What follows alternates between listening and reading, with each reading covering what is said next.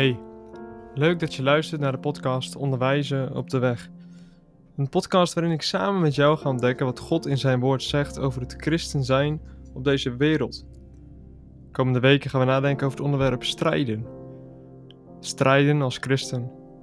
Gaat dat samen? En als dat samen gaat, hoe ziet dat er dan precies uit? Als ik nadenk over strijden en bladen door de Bijbel, dan kom ik uit bij Lucas 13. Als ik dan vanaf vers 23 lees, dan staat er dat iemand aan Jezus een vraag stelt. Er staat: En iemand zei tegen hem, dus tegen de Heer Jezus: Heren, zijn het weinigen die zalig worden? Waarschijnlijk ziet diegene dat groepen mensen Jezus achterna lopen, maar uiteindelijk niet in Jezus geloven. En luister dan eens naar wat Jezus zegt, wat het antwoord is van Jezus. Jezus zegt: Strijd om binnen te gaan door de nauwe poort. Want, velen zeg ik u, zullen proberen binnen te gaan en het niet kunnen. Daar hebben voor de eerste keer het woordje strijd. Uh, en kijk eens hoe opvallend, want Jezus gaat er helemaal niet in op de vraag van de persoon of er velen zalig worden, want dat was de vraag van de persoon. Nee, hij antwoordt niet hoeveel er zalig worden, maar wel hoe je zalig wordt. De houding is duidelijk. Strijd. Het is geen achteroverleunen en wachten totdat de zaligheid een keer komt aanwaaien. Nee, strijd. Voor vandaag laten we het woord strijd nog even rusten. Vandaag staan we stil bij de beschrijving van de weg naar de zaligheid. Jezus noemt die, die beschrijving in deze tekst, de nauwe poort. In andere vertalingen staat ook wel de enge poort. Strijd om binnen te gaan door de nauwe poort. Wat een wonder dat er staat een poort dat betekent namelijk dat er een weg is.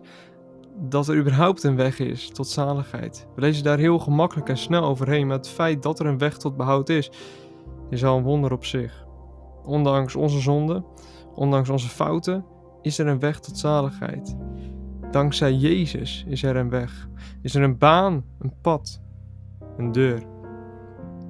Ja, een nauwe poort. J.C. Ryle, een bekende prediker uit de 19e eeuw, schrijft daar zo mooi: Hij, dat is Jezus, heeft ten koste van zijn eigen lichaam en bloed een grote poort gebouwd. Hij heeft op aarde een ladder opgesteld, waarvan het opperste tot in de hemel reikte. Hij heeft een deur gemaakt waardoor de grootste der zondaren mag binnengaan tot voor Gods aangezicht en niet bang hoeft te zijn. Als je iets mag ervaren van dat wonder, dan val je toch stil. Er is dus een deur, want God zegt het zelf in zijn woord. Kijk alleen naar Johannes 10, vers 9. Ik ben de deur. Als iemand door mij naar binnen gaat, zal hij behouden worden. Of Efeze 3, vers 12, waar Paulus schrijft: In hem, dat is in Christus, hebben wij de vrijmoedigheid. En ja, daar staat het: de vrijmoedigheid en de toegang. Met vertrouwen. Door het geloof in hem. Er is dus een poort, maar er staat dus een bijvoeglijk naamwoord voor, namelijk nauwe poort. Dat is niet zonder reden. Rel schrijft dat als je met de zonde niet wil breken, het werkelijk een nauwe poort is. God heeft een grote poort gemaakt, maar de prangende vraag is: willen we behouden worden op Gods wijze? Of willen we behouden worden op onze eigen manier? Hoe bereiken we de hemel? Het gebeurt nog steeds dat mensen met man en macht proberen te, te zeggen en uit te leggen dat je veel makkelijker in de hemel kan komen. Want het komt allemaal niet zo nauw. Je komt er wel, leef goed. God is heel duidelijk in zijn woord. Neem je kruis op en volg mij. Laten we verder kijken. Het is namelijk een nauwe poort. Ja, een poort. En zet maar gelijk een streep onder het woordje poort. Er staat dus niet poorten of wegen, maar één poort.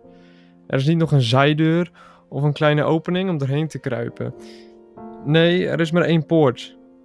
Want Jezus is de deur. Jezus is de poort zelf. En alleen door Christus komen we door die poort.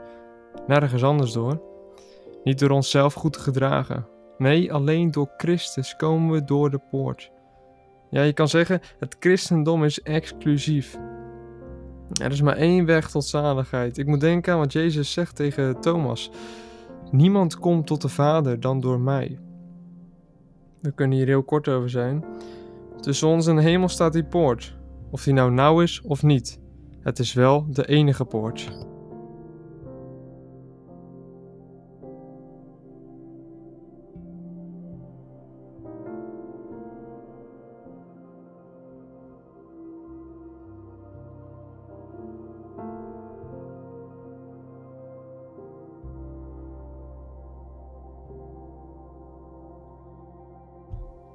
Wij moeten of door de nauwe poort de hemel binnengaan, of helemaal niet.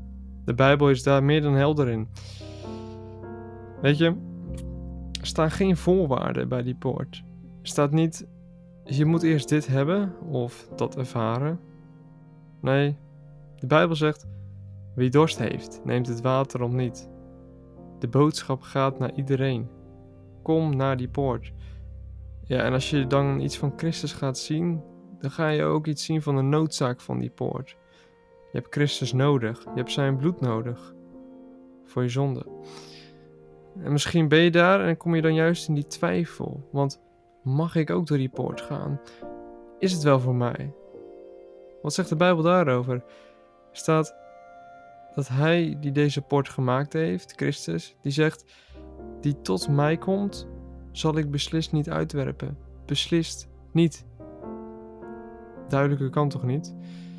En als je dan nog buiten die poort staat, waarom sta je daar dan? Geef je God er de schuld van? Stelt God te veel eisen? Jezus zegt: Kom. Ga toch binnen door die poort. Weet je, er is nooit iemand geweest die door die poort heen ging en vervolgens terug moest omdat hij te slecht was. Nee, duizenden zijn er al doorheen gegaan. En ze zijn allemaal gewassen door dat bloed van Christus. Kijk alleen nog in de Bijbel. Manasse, de meest goddeloze koning in het Oude Testament, is door die poort gegaan. Of dacht je van Saulus? Of de stokbewaarder in Filippi. Maar ook na Bijbelse tijden zijn er zoveel doorheen gegaan. Ja, duizenden. Met allerlei leeftijden en achtergronden. Ze hebben daar binnen vrede gevonden. Augustinus zei het. Onrustig is mijn hart, totdat het rust vindt bij u. Ja, totdat ik door die poort ben ingegaan, want buiten die poort is geen rust. En als je door die poort bent gegaan, dan herken je iets wat de filosoof Soren Kierkegaard zei. Die schrijft: We zijn meer verloren dan we beseffen.